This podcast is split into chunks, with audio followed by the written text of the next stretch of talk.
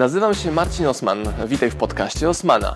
Będę prezentował Ci treści z zakresu biznesu, rozwoju, marketingu. Będzie również dużo o książkach, bo jestem autorem i wydawcą. Celem mojego podcastu jest to, żebyś zdobywał praktyczną wiedzę. A zatem słuchaj i działaj. Marcin Osman. Musimy siebie odnaleźć i tak dalej. Faktycznie wtedy powodzenie można siebie szukać do końca życia. Czekają na kogoś, to z zewnątrz daje im zielone światło, zamiast powiedzieć sobie tu i teraz, kurwa, dzisiaj robię to, co miałem zrobić, czy w wojsku, ma się generała i masz iść do boju, to masz iść do boju. Nikogo nie interesuje, czy straż w gacie, czy nie. Po prostu idziesz do boju. Kochane dzieci, mam dzisiaj wyjątkową okazję przywitać Marcinka w jaskini Zeniaskiniowca. Miejsce jest tajne, możemy pokazać tylko fragmenty.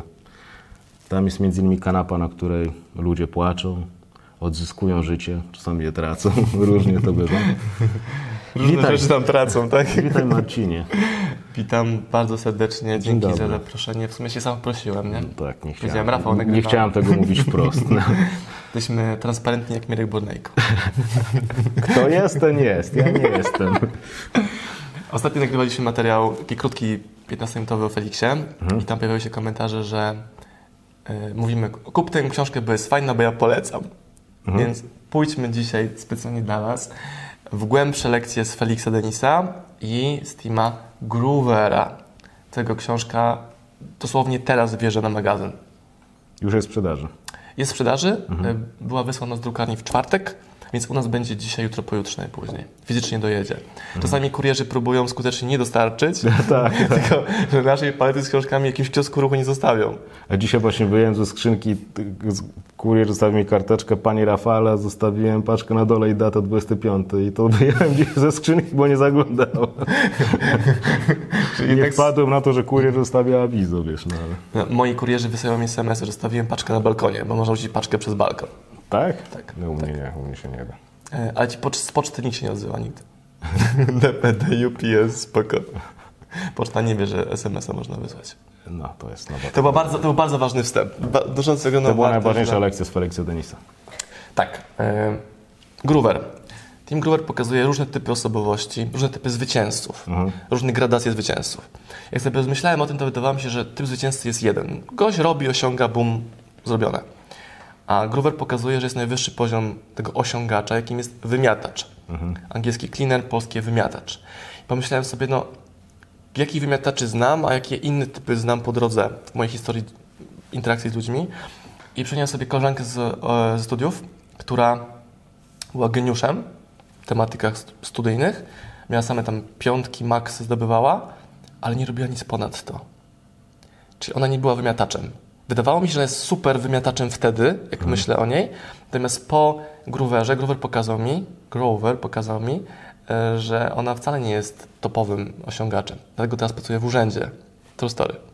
I teraz jak ty rozumiesz te typy e, zwycięzców?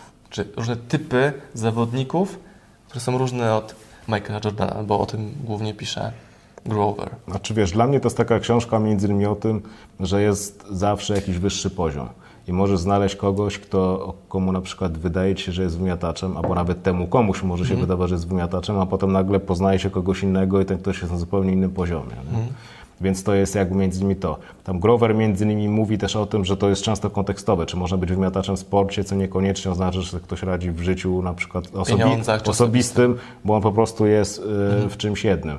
Natomiast to jest może nie to, co, może nie ta popularna pasja, co jakiś, co jakieś oddanie i to jest ktoś, kto zrezygnował z jakichś aspektów po to, żeby być najlepszym w innych.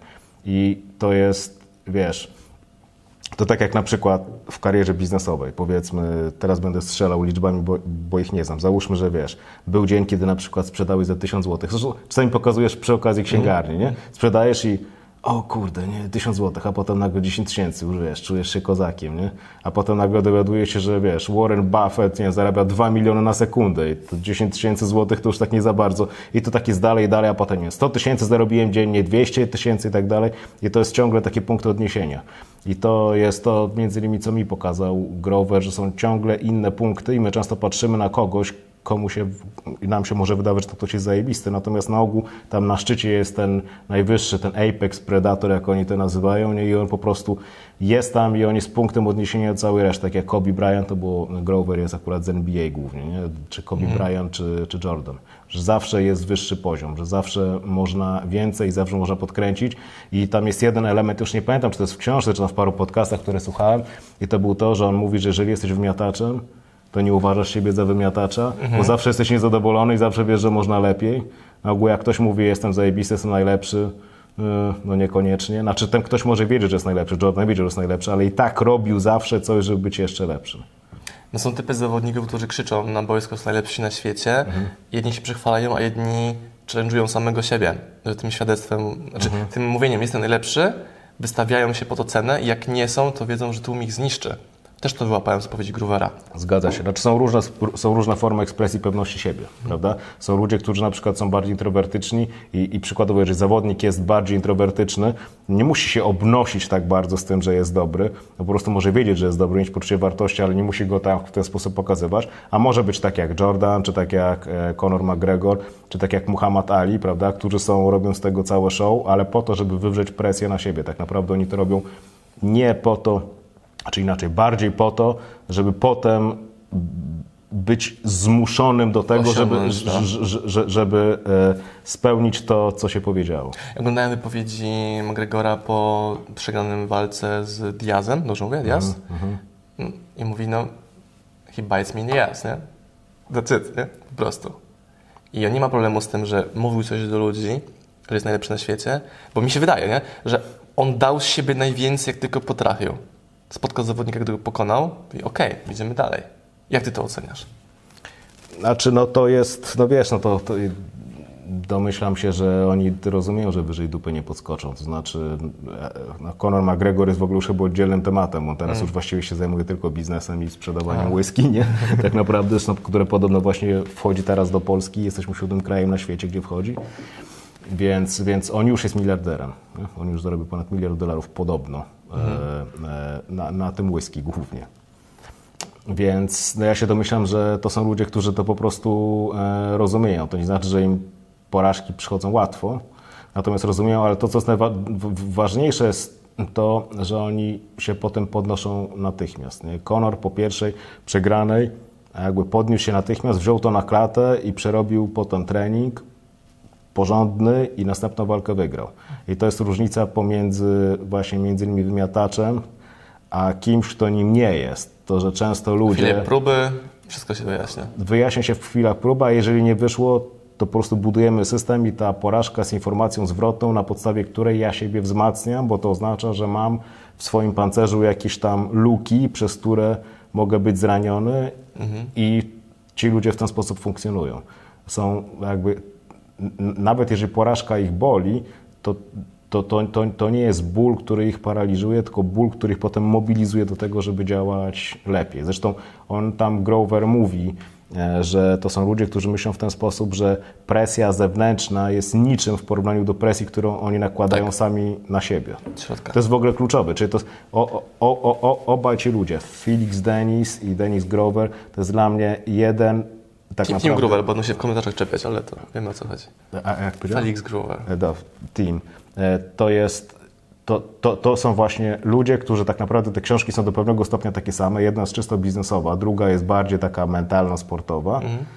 I to są ludzie, którzy mówią jedną rzecz: podnieść wymagania w stosunku do samego siebie, podnieść e, własne standardy, wymagać od siebie więcej, narzucać na siebie wewnętrzną presję, czyli ciągle być niezależnym od otoczenia zewnętrznego po to, żeby właśnie osiągać ten high performance, czyli performance, dlatego że między innymi większość z nas nie jest w środowisku, które wymaga high performance. Nie?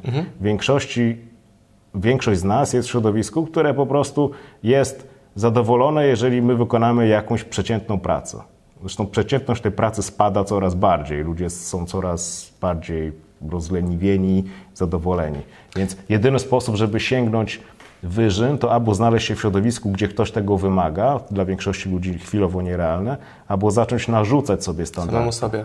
Samemu sobie wymagać od siebie coraz więcej, coraz więcej, co, coraz więcej, co oznacza de facto brak satysfakcji przez większość czasu czy przez większość życia. Nie? Ja, ja widziałem u ciebie, u ciebie chyba na instagramowym profilu e, OSM Power był taki cytat z Kaniuka, który powiedział między innymi, że e, jakby, to było chyba to coś w stylu dotyczące tak pytanie mniej więcej w kontekście, co by zmienił, gdyby mógł się cofnąć, on powiedział, że stawiałby sobie wyższe cele, tak, że gość, I to gość to on, osiągnął... on to powiedział, prawda? I dlatego wiesz, że on jest wymiataczem, nie? Bo on nie uważa, że nim jest, bo wciąż jest niezadowolony z tego, co osiągnął, osiągnął bardzo dużo, a i tak jest niezadowolony, nie? Głównym powodem, do którego my wydaliśmy książkę Groovera, oprócz Twojej rekomendacji, e, było to, że tam jest tak mocny język, że jak czytając tą książkę, czułem się, jakby Groover wziął cegłę i mnie, wiesz, w twarz tą cegłą. Jest tak mocny, kontrowersyjny dla wielu ludzi język, czyli wymagania, wyniki, show me your results, nic innego mnie nie interesuje, możesz mówić co chcesz, ale pokaż mi, że sprawdzam. Ok, mówisz wszystko, ale sprawdzam teraz, czy to, co mówisz, jest poparte wynikami. I mało takich jest pozycji, mało takich ludzi, którzy opierają się na mierzeniu skuteczności i tylko tym oceniają, czy jesteś miataczem, czy nie. W branży szkoleniowej jest dużo ludzi, którzy mówią, że są zajebiści, przez wspaniali. Mało tego, jest mnóstwo ludzi, którzy mówią innym ludziom, że są zajebiści i wspaniali. A Groover jakoś to wyważył, że nie czuję się przez niego całkowicie tak, wiesz, rąbany mentalnie, ale z drugiej strony też nie mam głaskania mnie po pleckach, po tyłeczku jako czytelnika jego książki. Więc ja- jak ty te proporcje widzisz u niego? No bo on jednocześnie niszczy od razu po to, żeby zbudować na tym. Mhm. Znaczy, powiedziałeś jedno w ogóle kluczowe słowo, mierzalność, nie? I to nie chodzi o to, że mierzalność pod tytułem dzisiaj czuję się ze sobą lepiej niż wczoraj, tylko mierzalność pod tytułem, nie wiem, ilość punktów, jeżeli ktoś tam gra powiedzmy w koszykówkę, czy ilość wykonanych telefonów, czy ilość zarobionych pieniędzy, cokolwiek, cokolwiek, mierzalność. To jest właśnie to, wszystko sprowadzenie do, do rzeczy, które są najbardziej obiektywne, czyli do liczb. I tak ci, ci ludzie funkcjonują. I to Felix Denis też do pewnego stopnia też o tym mówił, żeby sprowadzać wszystko do rzeczy, które są mierzalne. E, więc, znaczy to jest taka, znaczy w ogóle to jest kultowa książka. Nie? To rzadko się zdarza, żeby książka, która się pojawiła tam, ona chyba wyszła w 14 czy 15 roku w Stanach, czy 16, już nie pamiętam, żeby tak naprawdę, jeżeli dzisiaj się spojrzy na listy takich trzech czy pięciu w Stanach szczególnie, najpopularniejszych książek wśród ludzi biznesu, to Relentless jest tam prawie zawsze, nie? Bo jakby o, o, o, on zrobił według mnie to, co zrobił e, Pressfield W swojej działce, nie? Tak, to znaczy Pressfield nazwał coś oporem, czyli było coś, co ludzie rozumieli czy wyczuwali, tylko nie miało to nazwy. I Grover zrobił to z tym podziałem na trzech, prawda? Czyli zrobił to z wymiataczem. On to w pewien sposób nazwał, nie? I, I jakby i coś określił, umieścił to w jakimś kontekście, w kontekście tam chociażby przykładu Jordana czy Kobiego Bryanta. To jest, dla, dlatego ja widzę tu podobieństwo między Pressfieldem, który jest taki bardziej ogólny, znaczy bycie tak jakby wy- wysoce funkcjonalnym, to jest Pressfield, a bycie już takim high performance naprawdę, na którym się buduje, to jest Grover. On, on do pewnego stopnia dla mnie pokazuje, e, jest, jest, jest taką nadbudówką na Pressfielda. Jakby w momencie, w którym ktoś ogarnie swoje życie i zacznie po prostu robić rzeczy, to potem może zacząć je, może je robić lepiej i lepiej i lepiej, zacząć rywalizować ze sobą i nakładać na siebie presję. Pressfield. Mi się wydaje, że Pressfield kieruje swój przekaz do twórców, a z drugiej strony e, każdy sportowiec jest twórcą również. Musi wyjść na boisko, musi wyjść na arenę i zrobić show mierzone wynikami tych punktów, które wrzucił do tam, siatki czy, czy do kosza. E, I to widzę u Pressfielda, u Groovera, u e, Felixa. Ich wszystkich łączy to, że każdy z nich jest drapieżnikiem. I teraz to, co widzę, że Grover i e, Felix powiedzą, że są drapieżnikami, Pressfield nigdy o tym nie powie. Nie, nie powie tego w ten sposób o sobie, bo on jest takim, on jest twórcą, który uważa, jak go spotkałem na żywo, że jest taki niewinny, taki mięciutki, milutki, ale jego dzieła są drapieżne, Tak, tak, tak. bo rozwalają mózg. Czytasz o bestii oporu i myślisz sobie, no tak jest. Tak właśnie Ja wiem, że wiesz, jak, jak się mówi drapieżność, to ludzie trochę tak reagują agresja, krew. nerwowo, tak, Tak. bo często myślą, że to jest jakiś rodzaj, nie wiem, znęcania się na słabszymi. Dlatego ja ostatnio, to co łączy Pressfielda, to co łączy Grovera i to co, to, co łączy Felixa Denisa, łączyło, e, to, to, że ja, ja to teraz nazywam, jest, jest jeden element wspólny i to jest wewnętrzne przywództwo. Sam swoim przywódcą Tak, bo wiesz, dlatego, że to polega między innymi na tym, że w większości ludzi, nie mówię, że wszyscy, ale większość ludzi na przykład, którzy słucha czy ogląda mnie, albo którzy słuchają oglądają Ciebie, oni już mają jakiś zestaw umiejętności, prawda? Natomiast często na przykład łapią się na tym, że nie osiągają tego, co chcą, albo nie zaczynają, prokrastynacja i zaczyna się tysiąc wymówek, to między innymi o tym na tym e, dzisiejszym webinarze z Mirkiem to będę omawiał. I problem tak naprawdę w większości przypadków jest jeden. Ja wiem, że generalizacje generalnie nie zawsze są prawdziwe, ale gdyby to zgeneralizować, to problemem jest kwestia wewnętrznego przywództwa. Po prostu za mało od siebie wymagają. Kupują ten swój bullshit, nie? kupują jakby te, te, te, te, te bzdury, że jestem nie taki, i owaki, mają kiepską postawę. Prawda? Na przykład e, jeżeli weźmiemy sobie Grovera, no to jeżeli mamy koszykarza, to ten koszykarz na przykład, nie, rzucając, rzucając rzut osobisty, ma pewnego rodzaju postawę, która zwiększa szansę, że coś się uda. I to samo jest, jeżeli chodzi o kwestie mentalne czy emocjonalne. My mamy pewnego rodzaju postawę. Ty powiedziałeś właśnie słusznie, że Pressfield jest dla twórców, tylko że my, my codziennie tworzymy samego siebie. I teraz można wyjść z tego założenia, że my musimy siebie odnaleźć i tak dalej. Faktycznie wtedy powodzenie, można siebie szukać do końca życia. Jeździć Nie po, znaleźć, jest koniec jeździć, jeździć po Indiach w ogóle, po, po czym rozpoznasz, że się odnalazłeś. To jest inny temat. A możesz zacząć siebie tworzyć, nie? A zaczynasz siebie tworzyć między innymi przez to, że zaczynasz od siebie wymagać i zaczynasz wymagać od siebie dużo więcej niż wymagają od ciebie inni, przede wszystkim dużo więcej niż wymagało się od siebie wczoraj, nie? I, I kwestie typu, a ja nie czuję tego typu motywacji, albo czuję e, obawy, albo nie wiem, wiem i tak dalej, przestają mieć znaczenie, bo po prostu masz coś, co ma być wykonane, jakieś punkty, coś, jakieś mierzalne zadanie i zaczynasz na tym się koncentrować. I to ju, ju, ju, już kończę. Są według mnie takie trzy elementy. Jedno to możemy wychodzić z tak popularnej dzisiaj jakby powiedzmy szkoły terapii, Czyli, że ja muszę pracować nad sobą, muszę stać się w jakiś sposób lepszym człowiekiem za pomocą terapeuty, takiej czy in, inna forma terapii i tak dalej. Czyli w terapii pracuję nad sobą. Potem drugi jest rozwój osobisty. Dalej pracuję nad sobą i też muszę stać się jakimś tam lepszym człowiekiem przez pracę nad sobą. A trzeci model to jest właśnie model wewnętrznego przywództwa, gdzie celem jest cel, a nie praca nad sobą. Ja wyznaczam sobie cel i ja się dopasuję do celu, idąc tam, tak jak na przykład chodząc na siłowni, podnosząc ciężary, rozrastasz, wzmacniasz mięśnie, powiększają się, dlatego że one się dopasowują do tego, Co chcesz osiągnąć? co chcesz osiągnąć. I w tym momencie to nie jest sytuacja, gdzie ty pracujesz nad sobą, tylko ty pracujesz nad celem. I w tym sensie to jest, to jest ten element, który łączy Pressfielda, Felixa Denisa i Grovera. Że to oni, on, oni mówią o postawie ludzi, którzy mają cel, mają intencje i pracują, zmieniają siebie przy okazji i wymagając od siebie wykonywania tych podstawowych zadań, które do tego prowadzą, co wprost nawet u Jordana było pokazane, tak, że on był gościem, który pracował na największą ilością podstaw, ciągle te, te powtarzane podanie i tak dalej. On robił więcej podstaw niż ktoś inny. Przychodził pierwszy na trening, wychodził ostatni i robił podstawy. Jestem ciekaw, co by doradził Grover, Pressfield albo Rafał Mazur, czyli taki top. Się śmieję, że dla wielu osób jesteś ogromnym autorytetem. I do tego nawiązuję właśnie.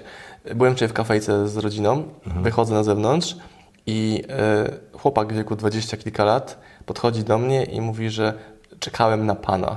Tam jak długo? No z pół godziny. Czyli wypatrzył mnie w kafejce, gdzieś przez szybę i czekał, aż wyjdę. Mam do Pana pytanie. Pytam, no dobra, skąd się w ogóle znamy? Bo oglądałem materiały Pana Mazura, są do Ciebie właśnie podrzucam temat i tak trafiłem do Pana, Panie Marcinie i tam, czy mogę zająć chwilę. I gość wyjmuje z plecaka książkę moją, prosi autograf, wyjmuje zeszyt, którym jest cały biznesplan napisany i zadaje pytania. I teraz do czego zmierzam?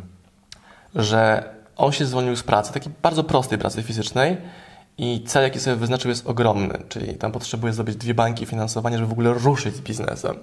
Jest rozjazd, no bo y, z, z małych wyzwań, małych celów, praca wręcz fizyczna, on teraz stworzyć wielką firmę i założył sobie, że musi mieć wielkie pieniądze.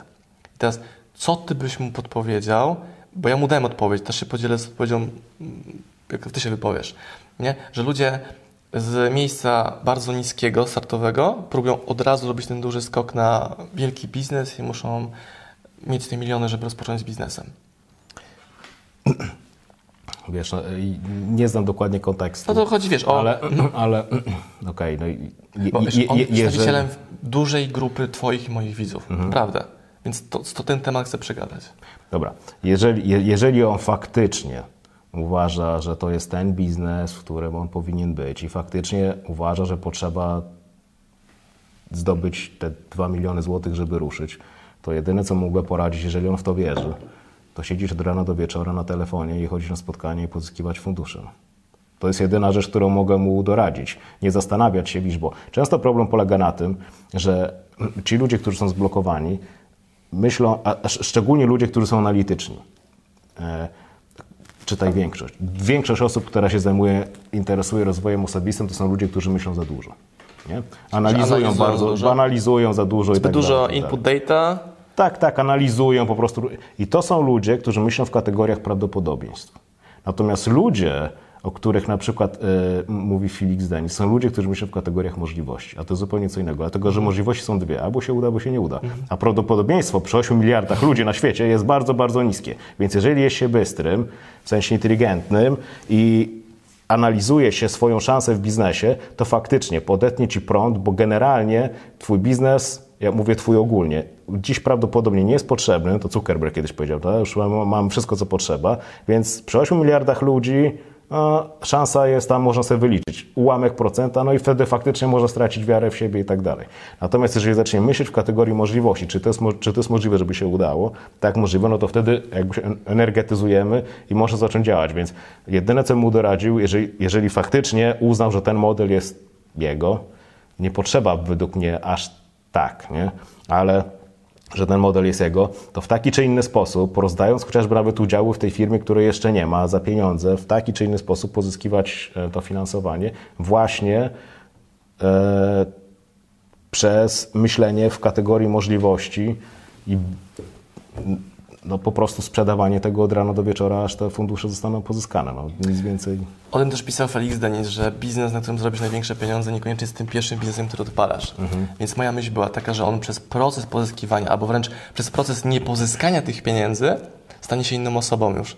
Bo zderzy się tam z milionem Tak ludzi. na pewno się nauczy od cholery, wzmocni się. To Nie? na pewno. A druga rzecz, jaka by mnie nawet uderzyła jako moja analiza tej sytuacji, że sama zmiana, taki klik w głowie, że teraz będę inny, yy, pozwoliłaby mu budować biznes na tej firmie, na tej pracy, której się zwolnił. Czyli pracując tam fizycznie, ma wiedzę jakąś ekspercką w tym temacie. Wie, jak, nie wiem, jak kopać, jak gotować, jak coś jeszcze samochody naprawiać. I teraz przecież wokół tego może budować małymi rzeczami wokół. I ta spiralka się powiększa. Czyli on chce porzucić całe swoje doświadczenia, jakie ma, na rzecz zupełnie czegoś nowego. A mi się też w głowie zmieniło kiedyś, że po co, e, czemu nie wykorzystuję tych zasobów dla siebie, na siebie, na swoje biznesy? Mam wiedzę w temacie marketingu czy reklamy, no to wymyślę produkt, który wypro- wypromuję, a nie, że znajdę klienta, który zapłaci mi za wypromowanie tego produktu. Czy tu musiałem się prosić o pozwolenie klienta, żeby mi pozwolił dla niego pracować? A mogę to zmienić? Tak robił Felix Denis. To mnie bardzo mocno uderzyło w tej książce, że nie prosi o pozwolenie kogoś, żeby dał mu pieniądze, tylko robi małe kroczki. Wrzuca się w środowisko, gdzie ci klienci się pojawiają i nagle te rzeczy wychodzą. Ale przez tą zmianę klik w głowie. Czy dzisiaj jest w ogóle taka, ponieważ dzisiaj nikt nie zakłada firm, tylko każdy zakłada startup, nie? To, e, to, to, to jest ta... Bo firma musi mieć klientów, To, nie chce. to właśnie. I, i, i je- jest to jakaś taka mentalność, że pierwszy musisz nazbierać od cholery fundusze Mhm. i dopiero potem zastanowić się nad czymś, a potem robić 17 pivotów i ostatecznie wylądować z czymś zupełnie innym. No można to zrobić troszkę bardziej tak oldschoolowo na zasadzie po prostu, że masz produkt czy usługę i tak jak, jak byliśmy wtedy na stadionie razem, yy, prawda, podszedł chłopak i powiedziałeś mu, no to stań z tym podempikiem, jakby, ale to jest, nie, to znaczy dla ludzi to jest jakoś ten wariant najprostszy, jest najbardziej skomplikowany i fajnie byłoby mieć startup i tam, nie wiem, 17 tysięcy od razu followersów na Instagramie i tak dalej, nie? Każdy chce być e, marketerem, a nikt nie chce być sprzedawcą. No właśnie, Czyli marketing chciałby mieć efekty sprzedaży. Ja tłumaczę, że no dobra, rób jedno i drugie. Stój pod tym empikiem, sprzedając te rzeczy. Ludzie idą do Empiku kupić książki. On ma taki produkt do, do czytania książek, taki, taką jakąś zakładkę, że trzymasz jedną ręką książkę. E, No i tam ludzie idą po książki do Empiku, więc 100% osób chodzących do Empiku jest twoim klientem. A on chce znaleźć tych ludzi tam Facebook adsami, czymś tam. Jak zrobić Facebook ads, reklamę w ogóle wytłumaczyć? Tu możesz pokazać specyfikę, wyjąć i przez miesiąc sprzedać na przykład 30 dziennie. I to cię zmieniło. Czy ty to wiesz? Może widzowie też to wiedzą, nasze materiały oglądając. Czy w ogóle sprzedaż taka face to face czy przez telefon to jest coś, co każdy powinien według mnie. Znaczy nie, nie wiem, jak można byłoby być przedsiębiorcą. Ale wiesz co, oni myślą, że to będą robić do końca życia w ten sposób. A ja mówię, hej, ale to jest etap. Rób to przez miesiąc, pół roku, rok i w końcu ci kliknie, jak to robić, że możesz zatrudnić swój zespół albo tą wiedzę przełożyć na zaprojektowanie kampanii marketingowej. Ale czujesz, czego ten klient naprawdę chce, a nie wydaje ci się, czego ten klient chce. Hmm? Dokładnie. Jakby, no no. E, Ale to, to, to też e, w dużym stopniu e, Felix o tym mówi. Są, są, są w ogóle różne szkoły, bo Felix Denis na przykład mówił o tym, że generalnie trzymasz każdego procenta, nie oddajesz i tak dalej, i tak dalej. To jest jedna szkoła. Inna szkoła, chociażby ta, którą, o, o której mówi Dan Penia, to jest szczególnie na początku kariery biznesowej rozdajesz co się da, ile się da, żeby tylko przyciągnąć ludzi i mieć jakiś rozumie ludzi. kapitał, nie? Tak, tak. Czyli, czyli jakby w, te, w, te, w ten sposób, jeżeli już potrzeba tego kapitału faktycznie w jakiś sposób, no to dobrze byłoby określić przede wszystkim, jaki jest zakres moich kompetencji, jakich kompetencji będę potrzebował i pościągać ludzi, którzy nie tylko mają kapitał, ale też mają na przykład jakiś rodzaj kompetencji po to, żeby ta firma zaczęła stanowić jakiś tam zlepek, który zwiększa szanse na sukces. Ale zobacz, Felix Denis też mówi, trzymaj bardzo mocno własności, czyli nie oddawaj żadnego procenta, jeśli tylko nie musisz. E, I to jest super. Mówisz o innej strategii, ale równocześnie Felix obok miał partnerstwa, na przykład z tymi wydawcami amerykańskimi, gdzie oddał ogromną część, część swojej firmy. Ale on to argumentował że tym, że mój core business mam 100% własności, ale takie side hustle, projekty partnerskie, to zarabiają dużo pieniędzy, są w podziałach. Czyli przykład, ja mam współpracę z Mirkiem, ty też pewnie coś będziesz działał zaraz z Mireczkiem, pozdrawiamy Miruś. E, to nie jest nasz core business, więc tam możemy się procentami dzielić w różnych proporcjach, ale w core businessie trzymasz 100%. Czyli 100% Mazur, Mazura w Mazur, Mazurze, który część siebie udostępnia na wspólny projekt, który powstaje z połączenia kompetencji Twojej, Mirka i tego, co świat potrzebuje. Znaczy, to, bo to między innymi był gość, który po prostu dowoził wyniki. Nie? Tak. Jeżeli on chciał zrobić coś i, i okazało się, że do tego potrzeba innych ludzi, do tego potrzeba jakiegoś kapitału, albo do tego potrzeba Mhm. jakichś partnerów, no to wtedy rozmawiał z tymi partnerami. No to, to, to, to też nie był ktoś, dla którego najważniejsze było tylko i wyłącznie swoje własne samopoczucie i który ciągle, e, wiesz, analizował samego siebie, patrząc, czy dzisiaj akurat ma ochotę na to, żeby pójść na jakiś kompromis. No nie szedł na kompromis, jeżeli nie musiał, a jeżeli trzeba, to szedł na taki, na który był w stanie pójść. Po prostu dowoził wynik, no, naj, To- na, naj, najzwyczajniej na To, świecie. No. co trzeba zrobić, żeby się zmienić? Bo to jest takie szerokie pytanie, a prawie każdy szuka tej odpowiedzi. Czyli jak stać się wymiataczem, jeżeli naturalnie nie jesteś do tego urodzony? Myślę, że Tim Grover powiedziałby, nie znam tej odpowiedzi. Grover, co ty byś powiedział? Znaczy, ja Mówisz ogóle, o wewnętrznym przywództwie, ja to rozumiem. Czyli podejmuję decyzję, za tym idzie akcja, reakcja, na poziomie teorii super proste. Ludzie słuchają, oglądają, mówią, no zajebiście, fajnie, ale ten Mazur jest mądry, ale ten Osman jest wkurzający. I oglądają dalej, nie? I, i, i- co się u nich może zadziać? ludzie muszą sobie zdać sprawę z tego, że faktycznie każdego dnia, kiedy wstają, to tworzą siebie. I tworzą siebie i pozwalają na pewne rzeczy, a na pewne rzeczy nie pozwalają. Jeżeli kogoś zatrzymuje to, co czuje, albo to, czego nie czuje, pod tytułem czuję obawę, więc nie będę działać, albo nie czuję odpowiedniego poziomu motywacji, to to jest pewnego rodzaju postawa, którą ten ktoś toleruje. Mówiąc inaczej, gdyby się rozszczepić, tak, i pomyśleć sobie, że jest taki dowódca, wiesz, taki generał Patton, taki, wiesz, taki po prostu taki prawdziwy alfa, niezależnie od tego, czy to jest kobieta, czy mężczyzna, to jeżeli jest się w wojsku, ma się generała i masz iść do boju, to masz iść do boju. Nikogo nie interesuje, czy straż w gacie, czy nie. Po prostu idziesz do boju i to jest dokładnie to, po prostu zacząć od siebie wymagać. To jest bardzo prosta odpowiedź, ale to jest jedyna odpowiedź poprawna. Znaczy, nie trzeba, nie, nie trzeba szukać rozwiązań w terapii. Nie trzeba szukać rozwiązań w, dalej w rozwoju osobistym, nie trzeba dalej nad sobą pracować, tylko wyznaczyć sobie cel, rozpisać te absolutne niezbędne działania, te, te podstawowe rzeczy, które muszą być wykonane, żeby coś się działo, a potem zacząć je po prostu wykonywać. Czyli ja to mówię o tym, to, są, to jest, 3, to, jest 3, 3Z. Zacznij, yy, przepraszam, zdecyduj, zacznij i zakończ. Jakby to jest wszystko. Trzeba podjąć, podjąć decyzję. Bo to, co mówisz, jest mocne, żeby nie szukać odpowiedzi w terapii. Znaczy wiesz, terapia jest odpowiedzią dla wielu osób, natomiast ja wiem dzisiaj, wiem, bo słucham ludzi znajomych, że terapia jest w ogóle popularna. Ludzie budują swoją tożsamość przez bycie na terapii. Nie? Aha, że... że... Chodzi mi o to, wiesz, ja, ja nie mówię, że terapia jest zła czy dobra. Część ludzi potrzebuje, ok? Według mnie, to jest moje zdanie, duża część osób, która chodzi na terapię, nie potrzebuje terapii. One, oni po prostu kurwa potrzebują wyznaczyć sobie cel i zacząć go osiągać i przestać być tak egocentrycznie, w taki na, na, narcystyczno-neurotyczny sposób egocentrycznym, że bez przerwy zastanawiać się, co ja czuję, czego nie czuję, jak być powinno i mieć jakiś punkt odniesienia, bo ktoś kiedyś powiedział, że oni cały czas powinni być pozytywni uśmiechnięci. Mm. Więc w tym sensie. Rozwój osobisty też jest super, ale to jeden, jeden i drugi element powoduje, że pracujesz ciągle nad sobą. To... A, a jest też element tego, że możesz pracować nad jakimś celem nad czymś i tak naprawdę nie ma aż takiego znaczenia, czy na przykład temu gościowi wyjdzie pozyskanie 2 miliony, tak jak mówiłeś, 2 miliony. Oczywiście, robi wszystko, żeby mu wyszło, ale jeżeli mu nie wyjdzie, tylko jeżeli naprawdę będzie robił, to zdobędzie tyle doświadczeń, być może kontaktów, ktoś może na niego zwrócić uwagę i z tego coś tam wyjdzie, prawda? Ja nie wiedziałem, że poznam Ciebie, nie wiedziałem, że poznam Mirka, nie wiedziałem, jak to zaczynałem. To jakby wyszło do pewnego stopnia jako efekt uboczny tego, że po prostu kiedyś postanowiłem coś zrobić, prawda? No i to by doskonale wytłumaczył Pressfit. Tworzyłeś po to, żeby tworzyć bo czułeś wewnętrzne, wewnętrzne potrzeby twórcy, produkowałeś dzieło.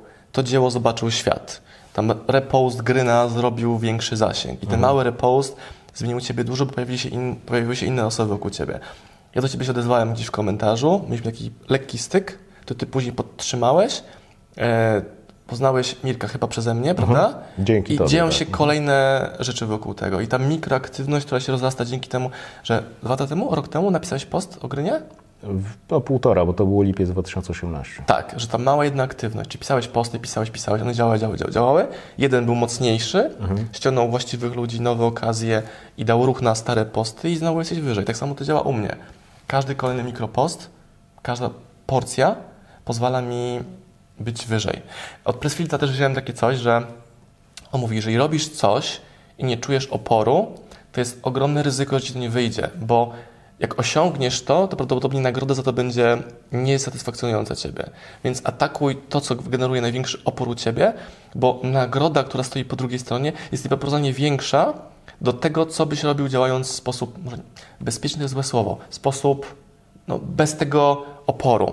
Z drugiej strony ktoś powie, no dobra, ale czemu mam robić zawsze rzeczy, które są dla mnie trudne, pod górę, czemu niełatwe? A ja myślę, że to nie jest sprzeczność. Część rzeczy jest naturalna, robisz z łatwością, mhm. Czyli dla mnie z łatwością jest nagranie wideo, mhm. ale trudnością jest jakiś przykład, temat bardziej kontrowersyjny, którego nie wiem, myślę o nim, ale nie chcę go dać publicznie, bo to sprowadzi mi gówno burzę. Czę, czę, często, jest tak, że, często jest tak, że poprawna odpowiedź to jest ta, która jest dla nas najtrudniejsza emocjonalnie. Nie? Ktoś mhm. jest w jakiejś relacji na przykład i wie, że ta relacja się już skończyła dawno temu, ale nie wyjdzie z niej, bo to jest trudno emocjonalnie. Bo często chce wyjść z niej dopiero wtedy, jak znajdzie właściwą osobę ta metafora, że jest zajęte miejsce parkingowe, nie ma tam jak ktoś wjechać, nie ma kto jak wjechać, bo tam stoi samochód i nie pojawi się nowy samochód, dopóki ten nie wyjedzie. Tak, bo to, co jeszcze łączy e, e, i Grovera, i Denisa, i Pressfielda, nie? To, to, to jest ta koncepcja, teraz przytoczę Dana, Dana Penny, nie? bo teraz akurat będę, będę post o nim wypuszczał. Nie to, że kwestia dni, ale będę o nim wypuszczał, bo to mi się strasznie rozrasta ten post. Ale, ale on mówi, on ma taką genialną koncepcję, genialną i to łączy jakby wszystko w jednym. On mówi o tym, że mamy w życiu dwa konta.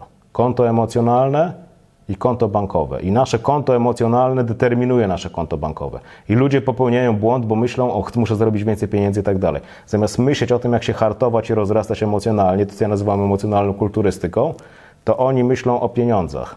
Ale ponieważ są emocjonalnie pokłóceni, są słabi, to jakby jak próby, odrzucenie, poprosiłem cię o pieniądze, ty mi nie dałeś, powoduje, że się czuję zdruzgotany i tak dalej, i tak dalej. I to jest właśnie dokładnie ten element. I ten gość, który ma pozyskać 2 miliony, jeżeli, jeżeli będzie to robił, to wzmocni się emocjonalnie. I on będzie miał te 2 miliony. Nie wiem, czy jutro, pojutrze, za 5 lat, czy za 10 przy okazji innego projektu i tak dalej. Natomiast on się wzmocni emocjonalnie, bo to jest absolutnie kluczowy element. Dzisiaj właśnie to, na tym polega przywództwo, e, wewnętrzne przywództwo, że my narażamy własne ego, ego, ja nie mówię narażanie się fizyczne, ja nie mówię robienie głupich rzeczy, bo ludzie szybciej pójdą na imprezę, żeby się nachlać i naćpać, co zagraża im fizycznie, niż wziąć za telefon albo podejść na ulicę i komuś coś sprzedać, nie? Tam, tam się nic nie może stać, tam najwyżej ktoś może się poczuć źle ze sobą emocjonalnie, na przykład, ale to nie zagraża, jakby my najbardziej chronimy ego, którego de facto nie ma i ono jest pewnego rodzaju metaforą i nazwą jakichś tam procesów myślowych, prawda? Więc, więc to narażanie siebie i o tym mówi, i o tym mówi dla mnie Pressfield, o tym mówi Grover i o tym mówił Felix Dennis. O właśnie tym narażaniu się. Tam jest cała ta przecież lista, gdzie Felix wymienia, jeżeli nie będziesz robił to i to, to nigdy nie będziesz bogaty, jeżeli będziesz robił to i że ciebie nie interesowało, co myśli o tobie sąsiad, to nigdy nie będziesz bogaty, bla, bla, bla. W wielkim skrócie on mówi o wzmacnianiu się emocjonalnym. I to jest element, którego ludzie nie rozumieją, że wiesz, wszyscy teraz włażą, teraz robi się zimno, zaraz będą na Instagramie czy na Facebooku, będą, jak ludzie robią selfie, jak włażą do przerębla. Ale do emocjonalnego przerębla to już tak za bardzo wchodzić nie chcą. Fizycznie jakoś ludzie tak. Iść na siłownię i podnosić coraz większe ciężary, albo biegać coraz dalej, albo coraz szybciej, to wszyscy rozumieją, jak działa to na ciało. Ale kwestia hartowania się emocjonalnego to już jest jakiś obcy temat. Nie?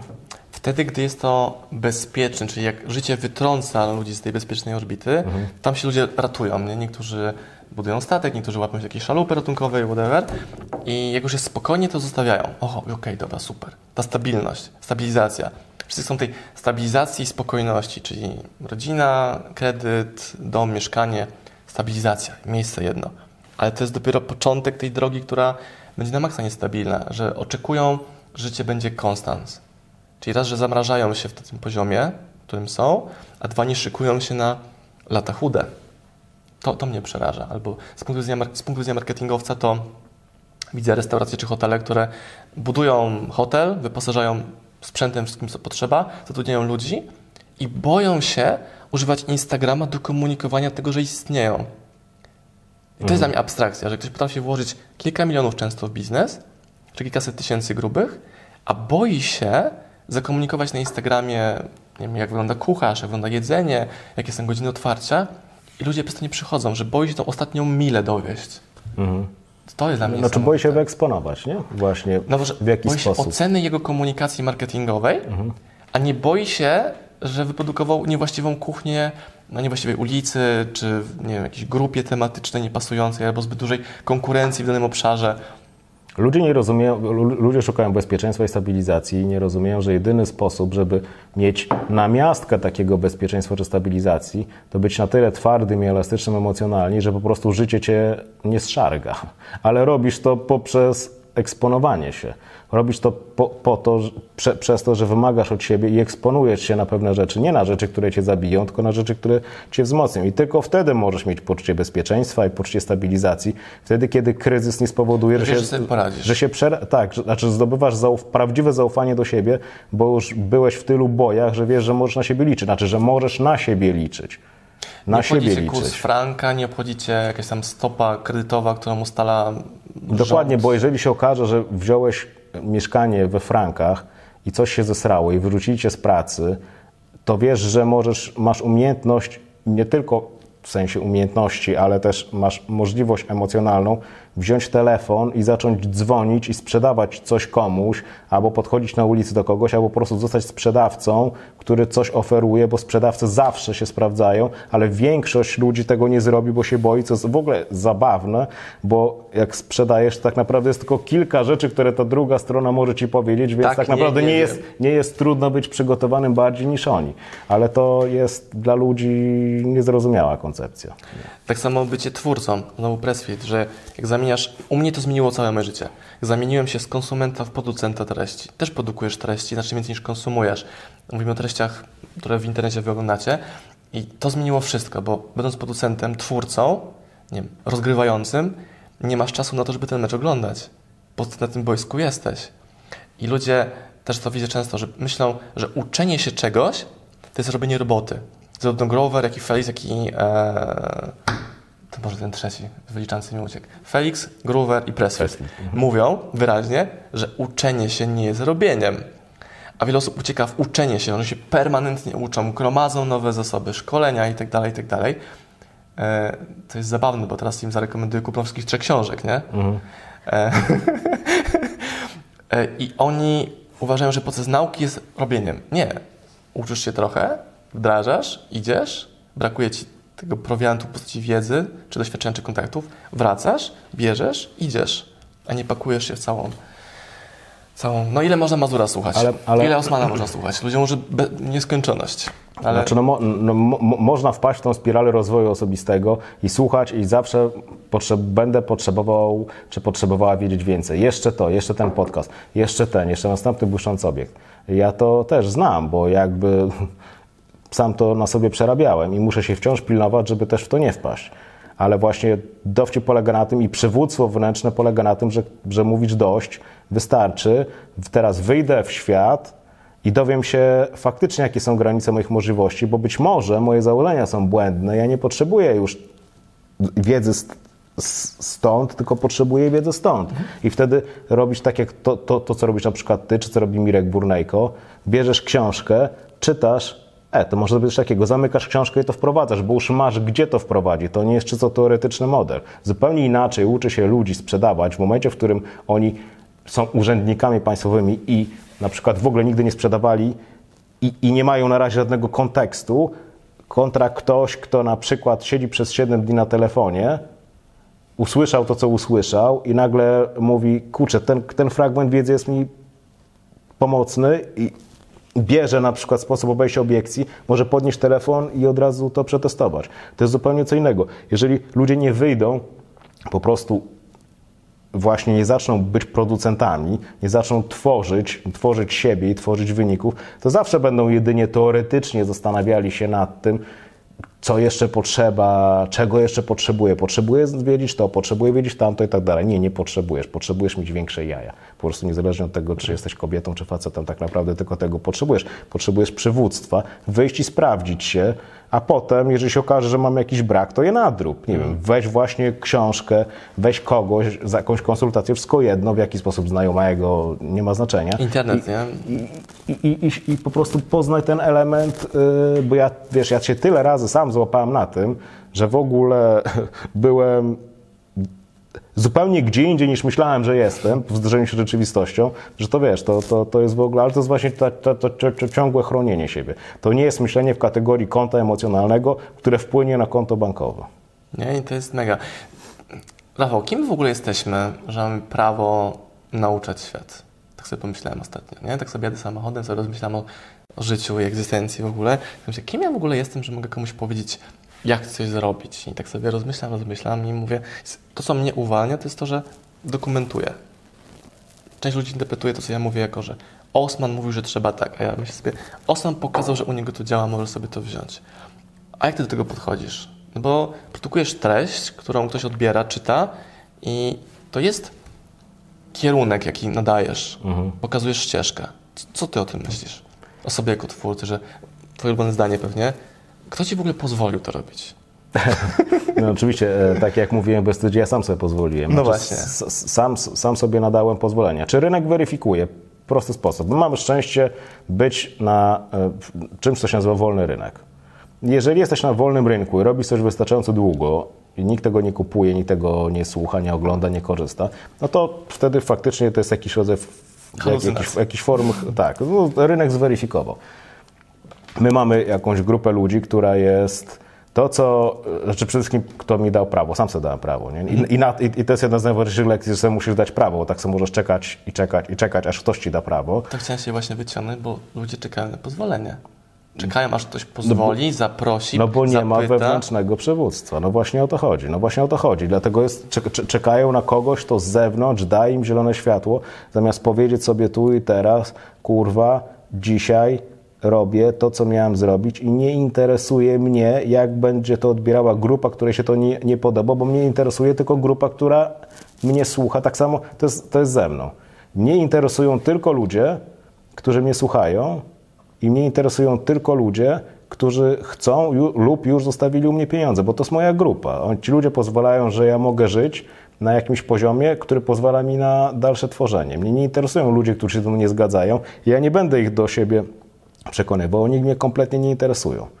E, Ja między innymi mówiłem o rzeczach, które ja zrobiłem czy osiągnąłem, prawda? Teraz tak, oczywiście dla, ktoś może spojrzeć na mnie i powiedzieć, Kuba, twoje osiągnięcia są żałosne i to jest okej, wtedy ja dla tego kogoś nie jestem żadnym autorytetem i niech on sobie szybko dzieli. Ktoś może powiedzieć, że on mówi niezłe rzeczy, albo jego osiągnięcia są imponujące i to dobra. Ja bym chciał w każdym razie, i to mówię szczerze, ja bym chciał, żeby każda z osób, która słucha na przykład mnie, w pewnym momencie dosłownie e, uznała, że no dobra, ale ja już go więcej nie potrzebuję słuchać, bo już mam wszystkie narzędzia. Dlatego między innymi te posty zamieszczam coraz później, bo ile jeszcze, co ja, ile, ile razy ja mogę mówić to samo. No.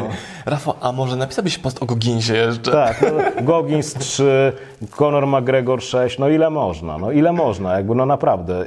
Ty, to, co dajesz ty, to, co daje Mirek Burnejko, to, co daję ja, mówię o tej trójce, bo jesteśmy blisko. Jakby no, ile jeszcze można. I, I, wiadomo, że możemy produkować i produkować. Ja mogę zrobić Goginsa 17. Nie? A zobacz, tytuł książki Goginsa jest Can't Hurt Me, nie? Czyli ludzie chcą się dowiedzieć, jak być tacy nie do zatrzymania. Żeby... Emocjonalne konto, nie? Właśnie, ale oni czekają na tę książkę. Oni dopiero, jak będę miał tą książkę, to będę miał narzędzia. A może się okaże, że książka w Polsce, bo to jest długi proces na maksa, sam nie jestem pewien, jaka będzie decyzja wydawcy, strasznie długo to trwa. I co będzie, jeżeli wydanie książki w Polsce będzie trwało dwa lata? Przez dwa lata się możesz angielskiego nauczyć i czytać książkę amerykańską. Ale albo... znajdą sobie jeszcze 17 innych tak. w międzyczasie te dwa lata. W ogóle zapomną o tym Goginsie i tak, tak, dalej, i tak dalej. I to będzie to kręcenie się w spirali, zamiast rozprostowanie tej spirali mhm. i stworzenie linii prostej. Linii prostej pod tytułem to jest zadanie do wykonania dzisiaj. I nie ma znaczenia, czy jestem gotowy, czy gotowa, bo pytanie brzmi, a jeżeli już bardziej gotowa niż teraz nigdy nie będziesz, to co wtedy? Skąd w ogóle założenie, że się będzie bardziej gotowy? Tak. Czy, czy, według Ciebie w ogóle, czy, czy według Ciebie w ogóle można naprawdę być w 100% gotowym na sukces albo w 100% gotowym na porażkę? Niezależnie od tego, jak to definiujemy? Nie, bo się czasami dzieje, życie tak potrafi pierdolnąć w głowę, że w ogóle się nie spodziewasz. Ja się nauczyłem tego, że to, co mnie najbardziej przeraża, to, to czego nie wiem, nie mogę sobie wyobrazić, co się może wydarzyć. Nie? Mnie ta przeraża myśl, że może coś się mojej córce wydarzyć, stać. To mnie przeraża na maksa.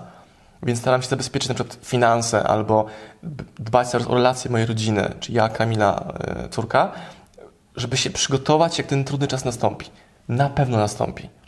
Nie mówię, że dziecko będzie chore na pewno, ale na pewno jakieś trudne sytuacje, które są zależne od zewnętrznej sytuacji. Może sytuacja w Polsce się zmieni w ogóle. Może trzeba będzie wyjechać, może trzeba będzie wrócić, może nie wiem, rodzice będą potrzebowali czegoś, co całkowicie zmieni to, jak muszę pracować. Się okaże, że muszę zmienić biznes na taki, który pozwala mi pracować tylko 4 godziny miesięcznie, mhm. a nie milion godzin miesięcznie. Ale widzisz, u, u Ciebie niepewność czy wątpliwości czy obawy nakręcają Cię do działania, a nie do siedzenia i mój Ty Boże, co ja zrobię, co ja zrobię, co zrobię. Siedzisz tydzień później, się zastanawiasz, co zrobisz i rozpisujesz plany i plany i kolejne plany i kolejne plany i plany z planów. Nie, po prostu zaczynasz działać już. I boisz się nacisnąć tego guzika start, guzika upload w przypadku internetu, czy tam opublikuj, bo, bo to już zabiera tą, tą kontrolę nad tym dziełem, że to dzieło wytwarzasz i dajesz ludziom. I ludzie tylko się boją właśnie, że ktoś ich oceni, ktoś ich skrytykuje, ktoś ich zhejtuje. Wiesz, ja, ja, ja to przepraszam Ci przerwę, ale ja to uwielbiam, jak, jak ludzie mówią, że się, wiesz, yy, że się boją porażki, nie? Czy wiesz, nagle jak ci mówią, że nagle się okazuje, że każdy jest, wiesz, sułtanem Brunei albo księżną Monako, nie? Wszyscy nagle są młodzi, piękni, bogaci i nagle wszystko to mogą stracić. Tylko jak spojrzą tak naprawdę, to są mają. w dupie i niczego nie mają, więc porażką to jest nie wykorzystać tej szansy, którą mamy, będąc tu, bo nie wiadomo ile ona trwa. To jest porażka, więc kwestia czy porażki, to, okay, to zdefiniuj sobie, co jest porażką. Zmień definicję porażki. Może właśnie to siedzenie i to ciągłe dumanie to jest właśnie porażka życiowa, a nie to, że się wyszło po 2 miliony złotych i się ich nie zdobyło, bo to nie jest porażka życiowa, to jest po prostu życie. No. Jezus, ja zadaję tak często pytania ostatnimi miesiącami o to, czy wypada robić coś, czy to mojego brandu nie zepsuje. A piszą to no-name. Nie celebryci, nie ludzie, którzy są rozpoznawalni, tylko ktoś, kto wydaje mu się, że ma brand, nie ma w ogóle brandu. Ja mówię, stary, testuj. Co masz do stracenia? Nie masz nic do stracenia. 15 twoich followersów na Instagramie pomyśli, że jesteś do dupy i co z tego? 16 followersów. I oni się boją wyjść, więc chodzą na szkolenia o brandingu, pytają 100 osób o, jakieś tam porady i są ludzie, którzy bardzo chętnie te porady udzielą, ale w taki sposób rozrzedzony, że to nie jest konkret odpowiedź, która daje Ci kompleksowe rozwiązanie, albo tą część kompleksowo rozwiązuje, tylko Wpadnij, trzydniowe szkolenie, miesięczny program, coś tam, wyjazd, skaczemy. Ja przestałem w ogóle jeździć na szkolenia w, Pol w Polsce, jeśli tam nie występujemy i nie mamy stoiska nie ma tam biznesu w tym dla nas. A widzę te same twarze, które się przewijają przez te, przez te szkolenia. Dobra, ale to już wątek na zupełnie inny odcinek. Podsumowując tą część, to trzeba robić Robić. Kurde, Rafał, jakąś złotą, złotą receptę podaj. No to jest bardzo skomplikowane, no. To jest bardzo skomplikowane. Czyli zdefiniuj, co chcesz, odważ się to robić. Znaczy, o, o, określ, ok, określ, czym jest dla Ciebie sukces. Mniej więcej, tak? Co to znaczy sukces? To nie znaczy, że trzeba być od razu miliarderem. Czasami po prostu wykonanie prostych zadań. Określ, co chcesz osiągnąć. Zdecyduj. Decyzja oznacza odcięcie się od całej reszty. Decyzja oznacza, że klamka zapadła, żeby się srało i paliło, to zrobię. Na tym polega decyzja. Przystaw sobie pistolet do głowy, ty sobie przystaw do swojej własnej głowy, a potem wykonaj zadanie. Zacznij robić i zakończ. I to jest to. I nie bierz czyichś celów i marzeń jako swoje.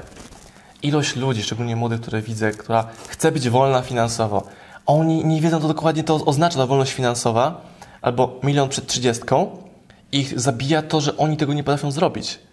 Bo może osiągną ten milion przed 40, a nie przed 30, co dalej jest spoko wynikiem, prawda? Czy ja nawet nie wiem, czy większość z tych ludzi, które chce milion przed 30 nie potrafi tego zrobić, czy oni po prostu nawet tak na dobrą sprawę Nie ruszają tylko chcą milion, wiesz, bo jest co, co, jedna rzecz to jest chcę być milionerem, a druga zrobię co trzeba, żeby być milionerem, to jest kompletnie Mhm. inna różnica. A czy cał- całkowita różnica jest całkowita różnica pomiędzy zrobiłem co potrafiłem, a zrobiłem co trzeba, to jest całkowita różnica, bo jeżeli będziesz robić tylko to, co potrafisz, to się zatrzymasz na jakimś poziomie, a to chodzi o to, żeby też albo uzyskiwać nowe umiejętności, albo y, pracować z ludźmi, którzy je mają. Więc po prostu zrobić co trzeba to jest jedno, chcieć to jest drugie, zrobić co potrafiłem to jest zupełnie co innego. To jest zupełnie co... I, I to jest właśnie ta mentalność między innymi Grovera i Felixa Denisa. Ci goście robili co było trzeba. Oni owszem, oni to robili w ramach y, prawnych, etycznych, ale oni robili co trzeba. A jeżeli trzeba zadać sobie ból emocjonalny i cierpienie, no to to sobie zadajesz. No dlatego to nie polega na tym, że ma ci być ciągle i wiecznie wygodnie. No bo to jest przykład. Jeżeli chcesz pozyskać klienta i klient jest w Szczecinie, mieszkasz w Zakopanym, jedziesz do Szczecina. Kropka. Yy, mówisz, że źle jest w Polsce biznesowo, znajdź kraj, w którym ci pasuje i rób biznes na Cyprze, jakichś rajach podatkowych innych, chcesz, spoko, spoko, ale jest wybór, a nie, że no u nas się nie da nic zrobić. Jest, Masz rację. Je, je, je, znaczy je, je- jest, nie, nie, nie wiem, czy też to zauważyłeś, ale jest też często widzę, że problem u ludzi, którzy są na- dosłownie w punkcie zero, czyli nie mają nic i są nikim de facto, jeżeli chodzi o osiągnięcia, że oni starają być za wszelką cenę tacy cholernie strategiczni. Tworzą jakieś plany podboju i tam jest właśnie tak jak mówię, jakiś branding i tak dalej, zamiast zwykłego, z, z, z właśnie tego zwykłego hustlingu czy zwykłego takiego robienia czegoś, wyjścia i dowiedzenia się, wejścia w interakcję ze światem i wtedy pewne e, informacje zostaną podsunięte. To znaczy ludzie po prostu za bardzo żyją w swojej głowie i za bardzo ciągle, wiesz, ich, ich, ich, ich, ich, ich zarządem są emocje i odczucia, które mają. I tak byłoby cudownie, gdyby one były wznoszące, ale na ogół nie są. A ponieważ mają puste konto emocjonalne, to mają puste konto finansowe, albo przynajmniej kiedyś będą mieli, bo coś się stanie i się po prostu rozpadną na kawałki. Ale właśnie działanie napędza to konto emocjonalne. Ja czasami mam stany, że super flow, po prostu pracę, cisnę robotę, iskry lecą. Czasami nie mam tego, ale siadam do roboty, Pressfield, do The Work i pojawia się i flow, i energia, i zaangażowanie, i te rzeczy wychodzą, wychodzą i sam fakt zrobienia tego, te- tego dzieła, tego nie wiem, posta, artykułu, mm, wideo, mailingu, wysłania, telefonu, uruchamia te rzeczy, które powodują, że cyk, cyk, cyk jest tego więcej. Ty, ty przecież parę miesięcy temu e, powiedziałeś, wrzu- wrzucałeś to zdanie, nie chce mi się dlatego to zrobić. No tak by to jest to. To, to podchwyciło najbardziej. Tak. Dlaczego? No bo ludzie to czują, tylko dla ludzi wciąż to jest jeszcze taka koncepcja intelektualna. Część ludzi faktycznie ruszyło dupę i to jest właśnie przywództwo wewnętrzne. Nie? To jest po prostu, jest część ciebie, bo, bo, bo ludzie myślą sobie jako jakiejś jedności, że zawsze wszystko będzie spójne, ale my nie jesteśmy spójni. Na przykład moment, kiedy, kiedy ktoś na przykład z jednej strony wie, że ma nadwagę i powinien schudnąć, a z drugiej strony niczego z tym nie robi, już pokazuje, że są dwie części. Jedna, jed, jedna mówi i wie, ej, musisz coś z tym zrobić, a druga mówi, no w sumie nie chce mi się, nie? I w sumie to mi do, dobrze. Prawda wygląda w ten sposób, że ludzie są tam, gdzie są, bo generalnie jest im dobrze. Ludzie są prostym gatunkiem. My działamy tylko na zasadzie korzyści. Jest coś takiego w psychologii, między innymi też w terapii, co się nazywa korzyścią wtórną. Jeżeli weźmiesz kogoś, to niezależnie od tego, jak są zjebane, dysfunkcyjne i szkodliwe jego zachowania, to on ma z tego jakąś korzyść. Bycie ofiarą Jest korzyścią. Jest korzyścią. Oczywiście. Jest wygodne pod wieloma względami. Ktoś może cię przyjść, pogłaskać po głowie, może dostaniesz 500 plus, nie?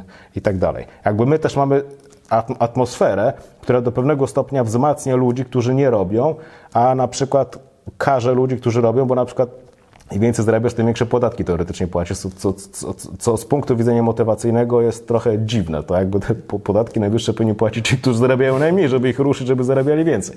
Ale oddzielny temat, nie? Więc, więc jest korzyść. Więc jeżeli ktoś siedzi i nie robi czegoś, nie? to ma korzyść. I zawsze, wiesz, jak, jak ja tu siedzę z ludźmi i się pytam, jaką masz korzyść z tego, że tego nie robisz, to nie mam żadnej. Nie, masz. Tylko sobie Masz. jej nie uświadamiasz, a ją U- doświadczasz. sobie, ale, ale masz jakąś korzyść. Dlatego cała gra toczy się o to przywództwo. Po prostu część ciebie, ta powiedzmy wyższa, mocna, silniejsza, musi przestać tolerować te słabsze zachowania i zacząć od siebie wymagać. Ja nie mówię, że to ma być 24 godziny, masz go gnisować, bo dla większości ludzi wystarczy godzina czy dwa, dwie w ciągu dnia zrobić coś, co daje dźwignię, a potem już możesz sobie Rafał, ale dwie godziny efektywnej pracy to jest przepotężne narzędzie. Tak.